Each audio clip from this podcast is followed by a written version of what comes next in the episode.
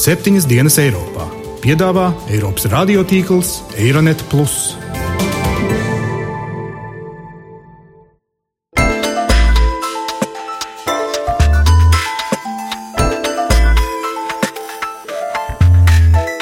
Šonadēļ septiņas dienas Eiropā dzirdēsim. Vācu kultūra bija arī tas tilts uz tā laika Eiropas kultūru. Mēs ļoti apvainojamies uz Merkels kundzi. Deutschland ist bereit, hier seinen Beitrag zu leisten. Mīts atbrīvo cilvēku no šaubām.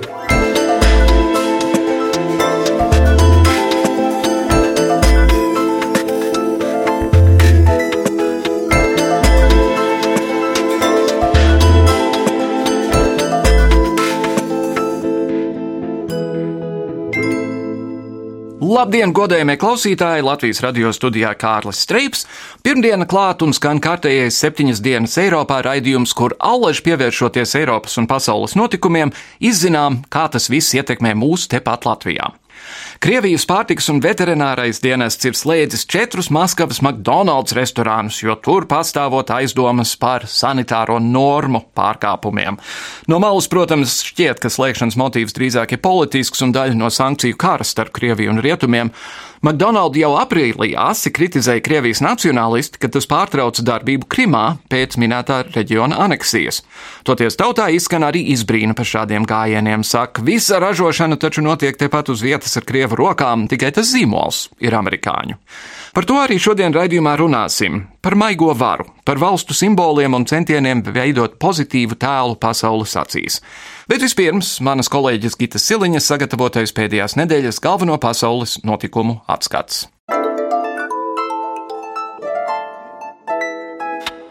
Aizvadītajā nedēļā smagās kaujās Ukrainas spēki centās ieņemt pēdējos prokrievisko separātistu nocietinājumus Donetskas un Luhanskas apgabalos. Ukrainas premjeras Arsenijs Jaceņuks sacīja, ka separātisti šajās kaujās tīši arvien aktīvāk uzbruk infrastruktūrai, tā mētiecīgi iznīcinot Ukrainas ekonomiku. Šo hvilieni umīsno. Miljoniem lieli zaudējumi Ukrainai tīšām tiek radīti ik minūti. Tas ir pilnīgi skaidrs, ka tās ir ilgstoši plānotas akcijas, kuru mērķis ir nosmacēt mūsu ekonomiku. Krievija apzinās, ka Donbasa atjaunošanai mums nevajag vismiljardiem grivnu, bet gan miljardiem dolāru miljardi dolāru. Pēc Jaceņuka sacītā, apšaudes infrastruktūras objektiem tiek veiktas ar lielu precizitāti un ir nodarījušas miljardiem ASV dolāru lielus zaudējumus.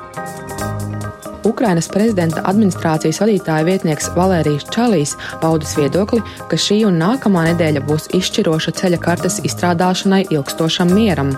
Pirmā būtiskā tikšanās notika jau sestdien, kad Ukrainā ieradās Vācijas kanclere Angela Merkele. Nākamā būs rīt Minskā, kad tiksies Eiropas Savienības un Eirāzijas Savienības līderi. Šī samita ietvaros Minskā paredzēta arī nemazāk svarīgā Ukrainas prezidenta Petro Porošenko tikšanās ar Krievijas prezidentu Vladimiru Putinu. Ziņu aģentūra Reuters vēstīja, ka Polija Eiropas Savienībai ir pieprasījusi vērsties Pasaules tirdzniecības organizācijā ar lūgumu embargo apstrīdēt.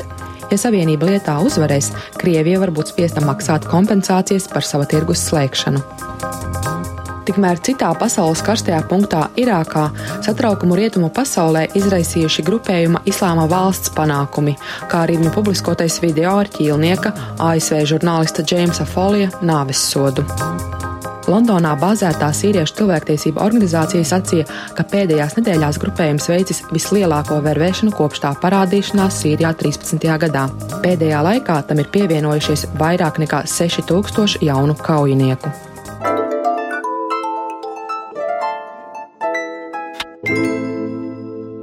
Kultūrai ir jākļūst par valsts ārpolitikas un ekonomikas interešu nodrošināšanas, kā arī pozitīva tēla veidošanas instrumentu. Šis ir citāts no 2007. gadā Krievijas federācijā pieņemtā ārpolitikas apskata dokumenta, kurš radīts pēc tā laika Krievijas prezidenta Vladimira Putina rīkojumā.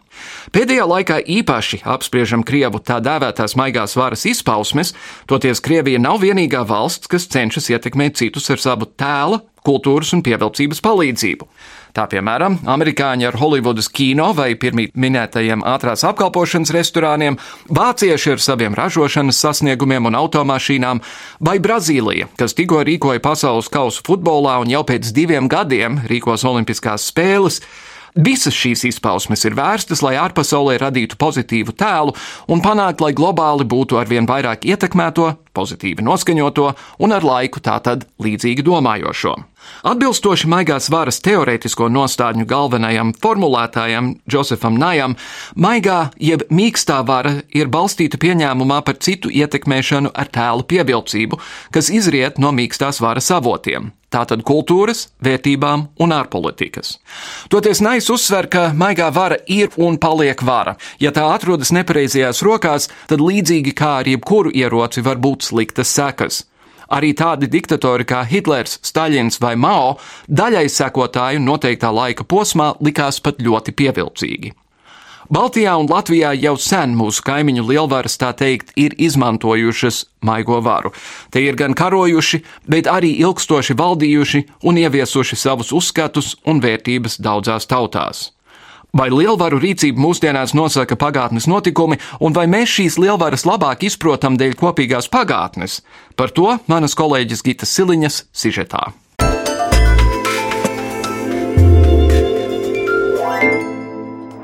Pagājušo nedēļu viesojoties vienas dienas vizītē Latvijā, Vācijas kanclere Angela Merkele paziņoja, ka Baltijas valstis nepieciešamības gadījumā var rēķināties ar Vācijas atbalstu. Līdz tam jau sabiedrība Latvijā bija pagūvusi reaģēt uz iepriekš izskanējušo Vācijas pozīciju, ka Vācija ir pret NATO karabāzu izvietošanu Baltijas valstu teritorijā. Un arī jau zinām, ka Merkeles kundze norādīja, ka izprot Latvijas un pārējo Baltijas valstu rūpes par drošību. Das, was wir Mums ir NATO līguma piektais pants, tas nav rakstīts tikai uz papīra, bet ir realitāte un tas paredz reālu rīcību. Mums jāsagatavojas un jābūt stiprākiem nekā pirms gada. Tas viss radīja augsni pārdomām par to, kādas ir Latvijas un kopumā Baltijas valstu attiecības ar Vāciju, un vēl niansētāk, kāds ir Baltijas valstu status starp lielvarām starp Krieviju un Vāciju. Vēsturnieks Kaspars Zēlis skaidro, ka viņa prāt Baltijas valstis nav pa vidu. Savu pusi jau labu laiku kā izvēlēta. Mēs kopš 2004. gada esam skaidri nostājušies, kurā pusē mēs esam. Ja mēs raugamies tādā lielā vēsturiskā perspektīvā, tur vienmēr ir pastāvējušas ir impērijas, pastāvējušas ir tā saucamās lokālās civilizācijas, un lokālās civilizācijas spēja pastāvēt tikai tad, kad impērijas ir vājas. Un tad, kad impērijas sāk atkal nostiprināties, viņas šīs lokālās civilizācijas viņas pazūd. Es domāju, ka ar Latviju un Baltijas valstīm šajā gadījumā tik tiešām tas nenotiek notiks, jo vairāk vai mazāk tomēr redzu un ticu šim te sauksim viņu par Eiropas Savienības spēkam, Eiropas Savienības tālāk izaugsmas perspektīvām. Tāpat vēsturnieks norāda, ka šī partnerība ar Eiropas Savienību un NATO ir viens no izcilākajiem Latvijas ārpolitikas sasniegumiem pēdējo 20 gadu laikā un rada pārliecinošu stabilitāti. Esam izcīnījuši nozīmīgu statusu, bet aizvien ir būtiski noturēt atbalstu. Merkeles kundzes paustais Vācijas atbalsts Baltijas valstīm piedāvā vilkt paralēles ar tādu kā advokātu funkciju veikšanu. Tomēr Kaspar Zēlis uzskata, ka Baltijas valstu advokāta gods vairāk pienāktos ASV un nevis Vācijai. Es tik lielus slavas laurus neliktu uz Vāciju, bet vairāk uz Amerikas Savienotajām valstīm. Un viņas tomēr šo dominējošo lomu transatlantiskajā struktūrā. Tikmēr politoloģe Žaneta Ozoliņa, vērtējot Krievijas lomu pasaules politikā, kad Krievijas agresijas akts realizējās visas pasaules acu priekšā, mums kāda laika rīta raidījumam panorāma skaidroja, ka nav nevienas lielvaras, kas norādītu Krievijai, ka vajag savaldīties. Ko tas nozīmē Baltijas valstīm? Es domāju, ka tas nozīmē ļoti daudz. Tas nozīmē daudz, un laikam pirmkārt ir vispār jāpārskata tie priekšstati, tie ietvari, kādos mēs domājām par starptautisko politiku 21. gadsimtā. Ir vairāk nekā skaidrs, ka tas, ko mēs saucām par starptautisko tiesību triumfu, ir vairāk vai mazāk pagātne. Tas, ko mēs saucām par multilaterālisma laikmetu, ir, nu, es negribētu teikt, ka pagātne, bet jebkurā gadījumā tas ir tāds daudzpusēju attiecību ietvers pat labāk nestrādā, jo tādēļ, ka ietekmēt Krieviju ir ļoti grūti. Pasaules politikas eksperti norāda, ka ASV loma pasaules politikā ir mazinājusies. Eiropas Savienība arī nav tik stipra. Vācija, Lielbritānija un Francija līdz šim kautrējušās vienpersoniski un pārliecinoši ietekmēt Krieviju. Tomēr ir būtiski saprast, kāpēc, piemēram, Vācija kautrējās paust savu skaidru pozīciju, kas par Zeles skaidro, ka būtiski ņemt vērā Vācijas statusu un pagātnes pieredzi. Mums jāatcerās to, ka Vācija zaudēja Otro pasaules karu, un būtībā šajā starpkara periodā, šos 50 okupācijas gadus, ko mēs saucam, jau Vācija bija sadalīta. Un viņa nebūtu nevarēja spēlēt nekādu vadošo lomu. Šo te vadošo lomu Vācija sāk spēlēt tikai pēc atkal apvienošanās 90. tātad pirmajā gadā līdz šim 90. gadam, tātad nekādā veidā mēs nevaram runāt par Vācijas, kā mēs varētu teikt, ekonomisko, politisko hegemoniju Eiropā. Tādas nav. Vēsturnieks norāda, ka šī posmā pēc otrā pasaules kara Vācija vienmēr ir ieturējusi pozīciju, ļoti atturoties un izvairoties no situācijām, ka kāds to varētu vainot agresijas gatavošanā vai kādās agresijas pazīmēs.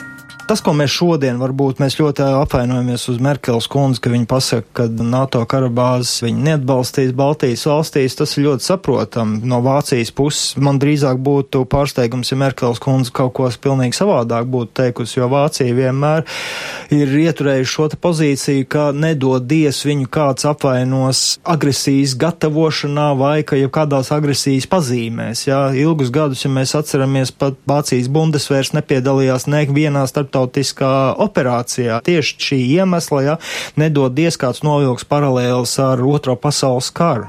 Tomēr vienlaikus vēsturnieks norāda, ka Vācija gādīgi sako līdz tam, kas notiek Baltijā, lai arī tiešas intereses viņai nevarētu būt. Taču ir kaut kas būtiskāks, kas aizvien šo lielvalsti uztrauc. Vācijā ir viena cita lieta, kas viņu varbūt satrauc, tas ir viņu satrauc tik tiešām attiecības ar Krieviju, jā, un šajā gadījumā mums jāņem vērā, mēs nevaram to visu reducēt tikai uz kaut kādām ekonomiskajām sankcijām un ekonomiskajām varbūt attiecībām, kas šīs te valsts abas saista, jā, bet arī uz šo te vēsturisko perspektīvu uz Vācijas konkrēti varbūt šo te pagātnes vainu par otrā pasaules kara, teiksim, izraisīšanu. Tas līdz šim ir bijis pētnieku ziņā - pētīt un skaidrot, kāda ir Vācijas un citu valstu pieredze un gūtās traumas Otrā pasaules kara kontekstā. Un ņemot vērā šodienas reakcijas un akcentus Vācijas ārpolitikā, tiek lēsts, ka šī valsts savu traumu ir pārvarējusi. Iespējams, to pierāda arī pozīcija, kas pauž, ka Vācija ir gatava balstīt Baltijas valstis, un ne tikai. Taču tas, kā līdz tam nonākt, ir ilgs, garš un vairākās paudzēs mērāms ceļš. Vai šādu rezultātu pārvarētas Otrā pasaules kara radītās traumas? Traumas un arī senākas var piedzīvot Latvija un Baltijas valstis kopumā, vai tomēr būs jāpaliek tikai cietēju un totalitārisma upuru statusā. Turklāt, varbūt tomēr vēl gadsimtiem ilgā, ja paraugāmies atpakaļ pagātnē, būšana un atrašanās starp lielvarām Latvijai ir arī kaut ko devusi, ne tikai ņēmusi. Turpina Kaspars Zēlis. Ja raugamies uz tiem pēdējiem 50 gadiem, noteikti mēs esam ļoti daudz ko zaudējuši, ja, bet, ja skatās tādā lielākā perspektīvā, kā jūs uzdevāt to jautājumu, ja varbūt gadsimtiem ilgumā, es domāju, šī atrašanās starp šīm lielvarām Latvijā ļoti daudz ko devusi. Tieši, teiksim, varbūt kulturālā plātnē, arī politiskajā plātnē, ja, radot, eh, es domāju, ļoti īpatnēju šo te kultūru, ļoti īpatnēju vidi, ja, ar ko mēs šodien varam būt patiešām lepni un turēt to godā. Šī te vēsturiskā pieredze, kas mums ir, varbūt ir bijusi, viņai tomēr arī ir mums kaut kas jāiemāc, jāiemāc tas, kad varbūt ir tik tiešām jāizvēlās, kurā pusē mēs vēlamies būt, un cieši pie tā jāturās. thank you Un tā tad vairāk par šo jēdzienu. Mīkstā vara un par to, kā vācu un krievu kultūra telpa ir ietekmējusi Latviju gadsimtu gaitā, kā arī vai mūsdienu apstākļos no tā vispār ir kāds labums. Mūsu viesis šodien ir starpkultūra komunikācijas speciālists Rīgas Stradiņa Universitātes profesors komunikācijas zinātnē Denis Hanovs. Labdien! Sveicināti! Ņemot vērā to, ka sestdien bija Baltijas ceļa gada diena, es sākšu ar jautājumu, ko jūs darījāt tajā dienā? Ko es darīju tajā dienā, es biju vēl ļoti maziņš un neko neatcerējos. Es atceros, ka mani vecāki to ir piefiksējuši savas sarunas, bet tā kā es nāku no krievalodīgas ģimenes, šī jauna pieredze, kad Baltijas tautas bija apvienojušas tāda simboliskajā kopā būšanā un savas gribas izteikšana viņiem vēl bija diezgan sveša un bija sarežģīti to arī dešifrēt. Es domāju, ka daudzi nelatvieši vēl joprojām maz saprot, kas īsti ir noticis 80. gadu beigas, 90. gadu sākumā. Tā iespējams arī ir mūsu politikas kļūda, jo atmoda tikai tāds skar visus, kad visi tajā piedalās un aicināti, pat tad, ja tas ir pastarpināti. Tā kā man jāsaka, ka tajā vēsturiskajā dienā tā ir pagājusi man garam toreiz kad es kļuvu par studentu, pasniedzēju tas notikums ir kļuvis arī par manu kursu tematu, kad mēs runājam ar studentiem par 20. gadsimta vēsturi un kad mēs runājam par unikālam lietam, jo pēc būtības režīms, kas bija kritis 90. gadu, teiksim, 80. gadu beigas, ir bijis ļoti interesants tādēļ, ka tā bija visneveiksmīgākā utopijas iztenošana par labāku dzīvi, kurai daudzi ticēja un tic joprojām. Ideja par vienlīdzību, brālību un tā tālāk ir pārvietojusies par teroru, un par teroru ne tikai fizisko, jo ir vesela virkne citu teroru. Ir terors aizliegt domāt, aizliegt atcerēties, un tā ir tā lieta, ka Baltijas ceļš ir bijis kliedziens pēc tiesībām atcerēties. Un es vispār domāju, ka pēdējo 25 gadu laikā šīs trīs sabiedrības, Latvija, Lietuva un Igaunija, mēs atrodāmies telpa, kas ir piepildīta ar atmiņām, bet vienlaicīgi es domāju, ka mēs arī īsti neprotam strādāt ar atmiņām. Un, ja mēs runājam par vācu kultūru, tad mūsdienu vācu kultūra ir viens iedziens, Vergangenheitsbewältigung, kas pēc būtības nozīmē tāda burtiska tulkojumā mēģinājums apstrādāt vai tikt galā ar pagātni. Un tas ir mūsu sabiedrību, triju sabiedrību un arī Latvijas sabiedrības uzdevums. Bet tas ir milzīgs uzdevums, un tām ir vajadzīga politiska elite, bet mums tādas nav. Tāpēc, ka tā ir vajadzīgs arī intelekts. Jūs pieminējāt vācu šo politiku. Tā tika izstrādāta lielākoties attiecībā uz holokaustu, kas vāciešiem bija ļoti sāpīgs. Jā, nenoliedzami tas bija arī pēc 45. gadā, lielākoties arī Amerikas denacifikācijas politika, kas ir bijusi ļoti intensīva, mērķiecīga un kura piedalījies tātad arī tā laika Rietumvācijas sabiedrībā, bet šī pagātnes apstrāde vai kritiska analīze ir pēdējos gadu desmitos izplatījusies arī kā vesturnieku teiksim, tāds radošais ietvars, kā mediju ietvars, kur runā nav tikai par holokaustu un kolektīvu atbildību, bet runā ir arī par to, kā Vācijas sabiedrība revidē arī Veimaras republikas pieredzi, skatās uz mūsdienu demokrātijas vājībām, arī par Pirmo pasaules kāru, teiksim. Un tā ir visdrīzāk bija tāds liels impuls tam, lai sabiedrībā neiemīgtu paši izveidotājus priekšstātos par sevi, neglorificētu sevi, bet nemitīgi strādātu ar nepatīkamu nepatīkamām vielām, ar nepatīkamām tēmām. Mūsu valstī, protams, gan vācu okupācija, gan abas padomju okupācijas vēl ir dzīvā atmiņā cilvēkiem. Ir cilvēki, kas to ir pieredzējuši. Cik lielā mērā mēs varam runāt par to, ka kaut kur latviešu ģenētiskajā kodā stāv tas, ka vācieši šeit noteica būtībā ekonomiskās lietas 700 gadu garumā, un te bija Krievijas impērija, pirms te bija padomju okupācija, un līdz ar to gan vācieši, gan krievi, un zināmā mērā arī zviedri un poļi un lietuvieši te diktēja noteikumus kaut kādu brīdi. Nu, jāsaka, ka es vairāk pieturos pie dekonstrukcijas tradīcijas, tādēļ tādas lietas, ka ģenētiskais kods vai kaut kāda kolektīva tradīcija, kas it kā ir raksturīga kādai kopienai, priekš manīm diezgan aizdomīga, un es parasti satraucos, ka to pārāk bieži izmanto, jo nav vienas tādas vienotas latviešu kopienas. Latvieši ir ārkārtīgi dažādi, atšķirīgi, un es nedomāju, ka tas ir sinonīms tam, kā latvieši saskaldīti vai, teiksim, nav kaut kādas vienotības. Tagad pirms vēlēšanām visu laiku piesauc tādas kolektīvas vērtības nav latviešu. Ir ārkārtīgi daudz latviešu versijas. Mēs to ļoti labi zinām arī sākot no 90. gadiem, kā arī individuālie stāsti, piemēram, tiem latviešiem, kas ir bijuši trimdā, ka viņi atgriezušies šeit un kā viņiem bija cita Latvija. Viņiem bija jāveido dialogs ar šo Latviju, kur nu, nevienmēr ir veiksmes stāsti, vai vismaz tas ir mēģinājums atrast ļoti sarežģītu dialogu. Runājot par vācu kultūru, protams, vairāku simts gadu garumā ekonomiski, politiski, administratīvi, kultūras, reliģijas, Latvijas sadzīves jomā vācu ekonomiskā un elīta un aristokrātija un vidusšķira pilsētas ir dominējusi.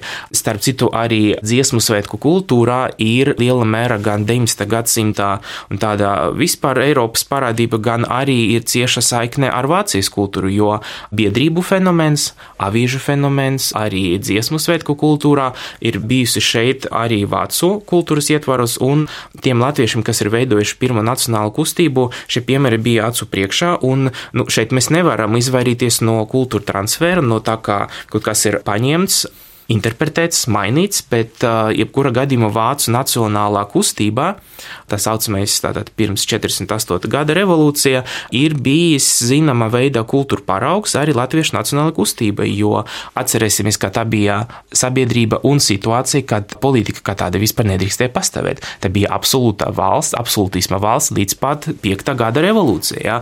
Tad, kad Vācija Bismarka valdība jau runāja par sociālām garantijām strādniekiem, tad šeit šeit vēl joprojām zemniekus varēja pirkt un pārdot kā preci. Ja? Tā kā mēs redzam, cik ārkārtīgi sarežģīta vide tas ir veidojis, bet nu, vācu kultūra vienlaicīgi bija arī tas tilts uz tā laika Eiropas kultūru, un līdz ar to, jā, vācu kultūra ir tā, kas ir gan veidojusi latviešu nacionālo kustību un politiku, gan arī bijis tas punkts, vai, teiksim, tas fenomens, pret kuru nostājas, tas bija avots arī opozīcijai un kritikai.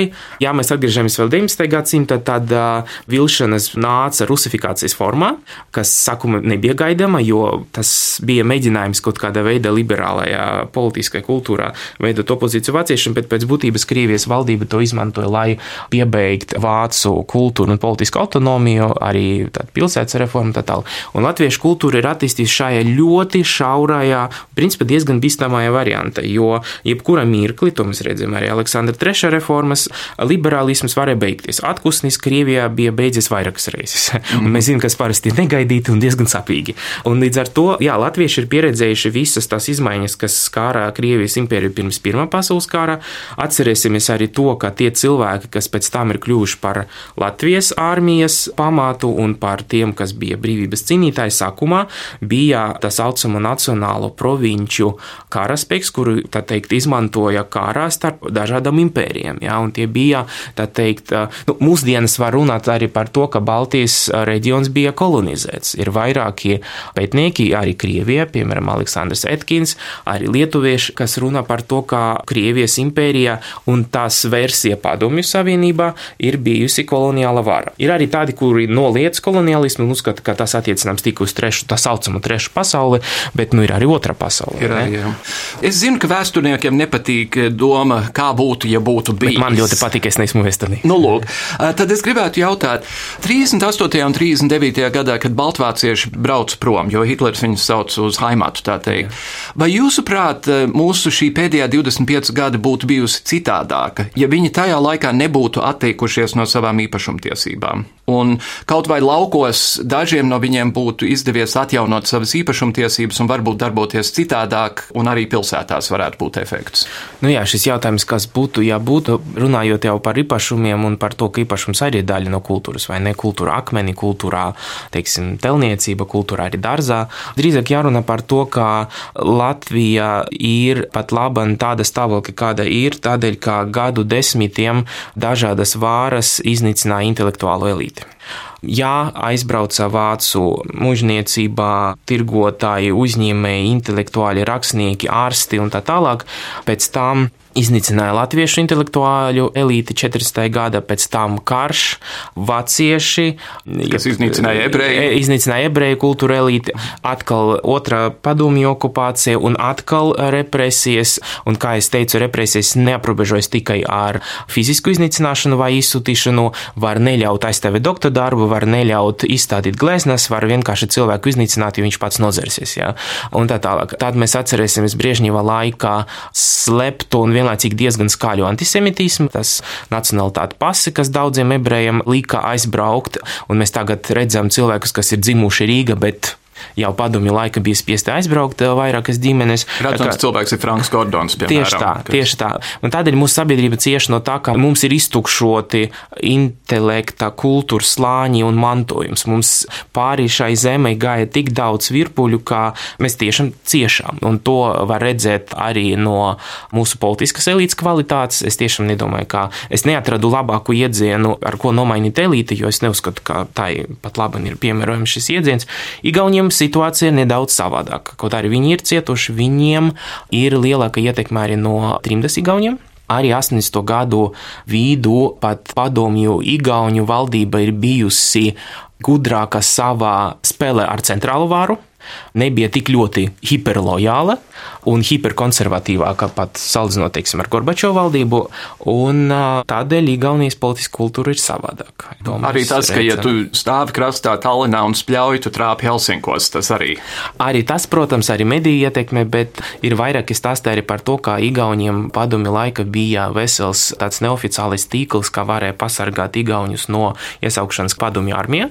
To man teica daži kolēģi no Igaunijas. Un un virkne citu lietu, kur varēja piebremzēt centrālas valdības ietekmes kultūru izglītību grāmatu. Lietuvieši darīja tāpat virkne rietumu filozofi bija tulkoti, un pie mums šeit bija tāda diezgan nožēlojama hiperusticība centrālajai varai. Tā skaitā Ziemeļrietumu kara apgabals bija centrēts Rīgā. Jā. Arī.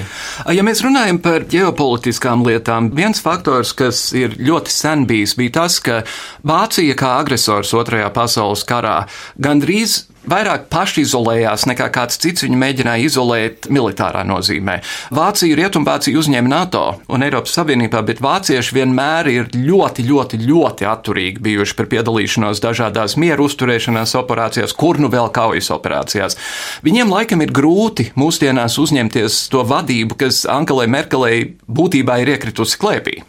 Jā, tā kā man ir virkne kolēģi šeit Latvijā, kas ir vācieši, tad mēs regulāri arī runājam par šādiem tematiem čempionātiem. Viņi pat bija problēmas tātad pasaules čempionātā, kad vācieši ir uzvarējuši. Es nezinu, kura gada šis sporta veids tālu no manas pieredzes, bet viņiem tad parādījās logos arī Vācijas karogi, blakus arī, protams, tur Turcijas karogiem un tā tālāk. Un tad atsākas debats par to, vai nu nav vācu nacionālisms atpakaļ. Vai tomēr tas karogs ir vienkārši tā, tā, tā sporta piekritēju sajūsma par savu komandu, vai kaut kas bīstams tur nav. Nu, man jāsaka, protams, ka Vācijas pieredze 20. 20. gadsimta liecina par to, kā tā milzīgā atbildība un kolektīva atbildība, jo, nu, principā, būsim godīgi, jebkurš drausmīgais totalitārais režīms ilgs tik daudz, cik cilvēki ir piekrītuši teikt tam jā, pat tad, ja nē, ir ļoti bīstams. Mm -hmm. Režīmi krīt tādi, ka cilvēki atsākas, kad viņi parādās tā drosme, kas ir bijis arī mūsu gadījumā?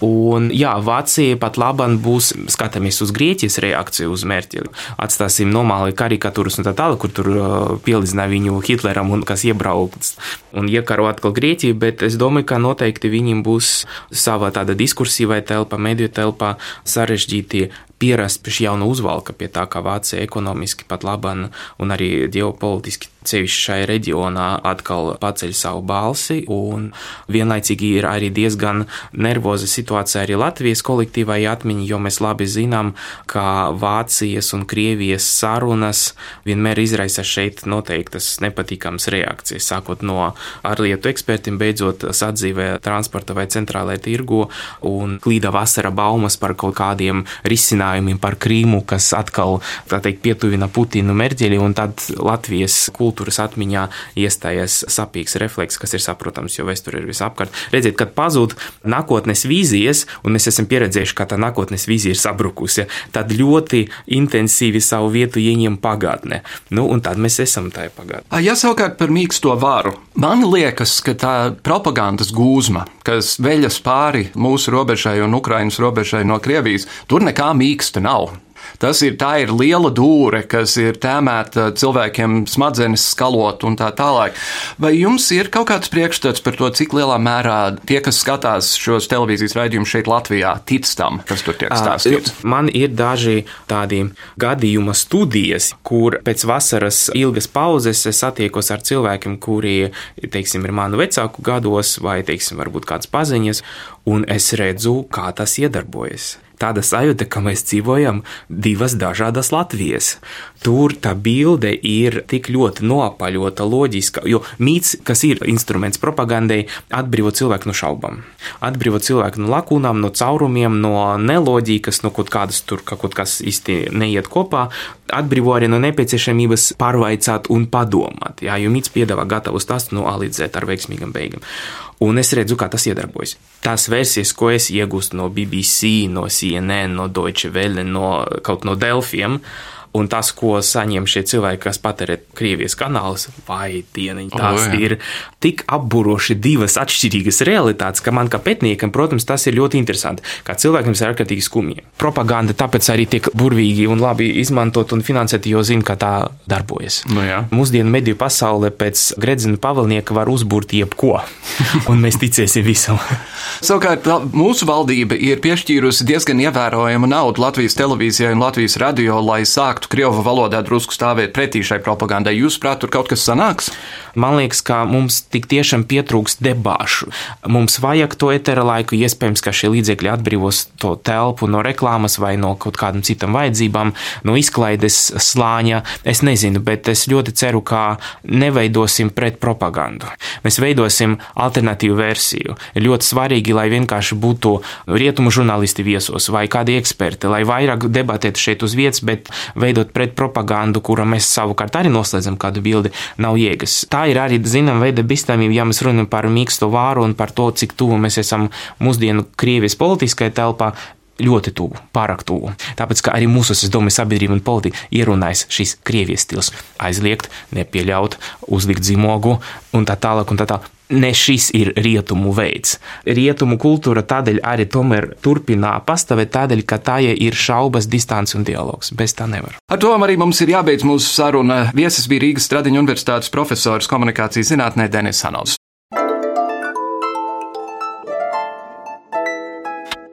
Šogad aprīt 25 gadi kopš 1989. gada 23. augustā vairāk nekā miljons cilvēku sadavās rokās, lai veidotu 600 km garu cilvēku ķēdi caur trim Baltijas valstīm. 2009. gadā Baltijas ceļš tika iekļauts UNESCO pasaules atmiņas starptautiskajā reģistrā. Septiņas dienas Eiropā devās noskaidrot, vai un kā Baltijas ceļš var arī būt par nozīmīgu simbolu nākotnes paudzēm, jebkurā pasaules malā. Atzīmējot Baltijas ceļa gadsimtu, šogad augusts tiek pavadīts atceroties šo nu jau gadsimtu ceturksni seno notikumu. Baltijas ceļa akcija 89. gadā veica vairākas funkcijas. Savukārt šodien Baltijas ceļš ir ne tikai simbols pagātnē, bet tas ir arī fenomens. Un arī iedvesmas avots un paraugs citām valstīm un tautām pasaulē, kuras cīnās pret nedemokrātiskiem režīmiem. Kā to redz un vērtē Latvijas Universitātes sociālās atmiņas pētniecības centra pētniece Laura Ardava? Pagājušie 25 gadi veido pietiekami lielu laika distanci, lai uz Baltijas ceļu raudzītos kā no akadēmiskās izpētes perspektīvas.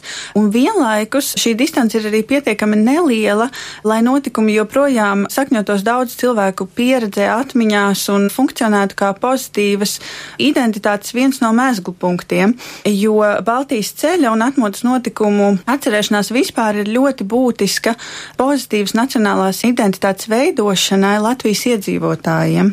Akcentējot Baltijas ceļa un Eiropas konteksta sasaisti, būtiski, ka viens no vēsturiskā Baltijas ceļa simboliskajiem vēstījumiem jau tolaik bija tieši, ka Baltijas ceļš ir sava veida atgriešanās Eiropā, Eiropas kartē.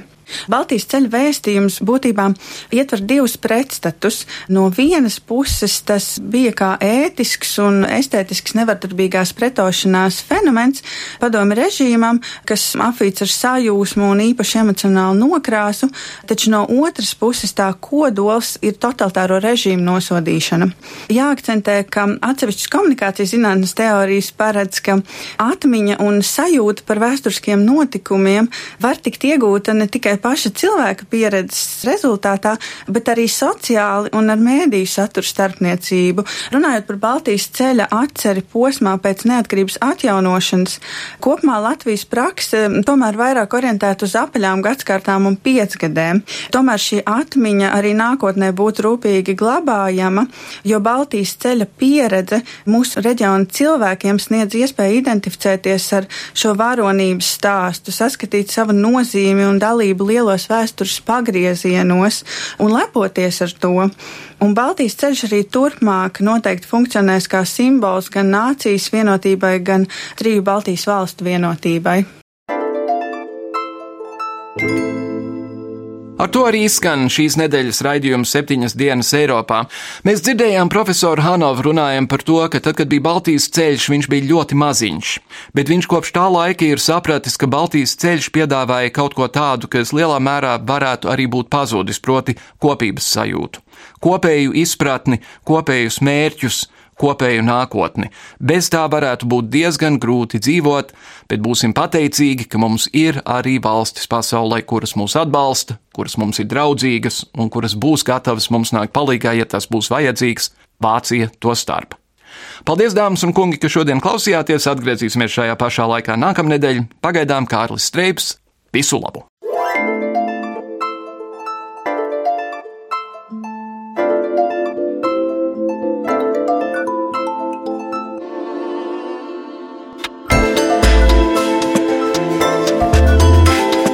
Raidījumu veido Kārlis Streips, Gita Siliņa un Jānis Krops. Producents Lukas Rozītis.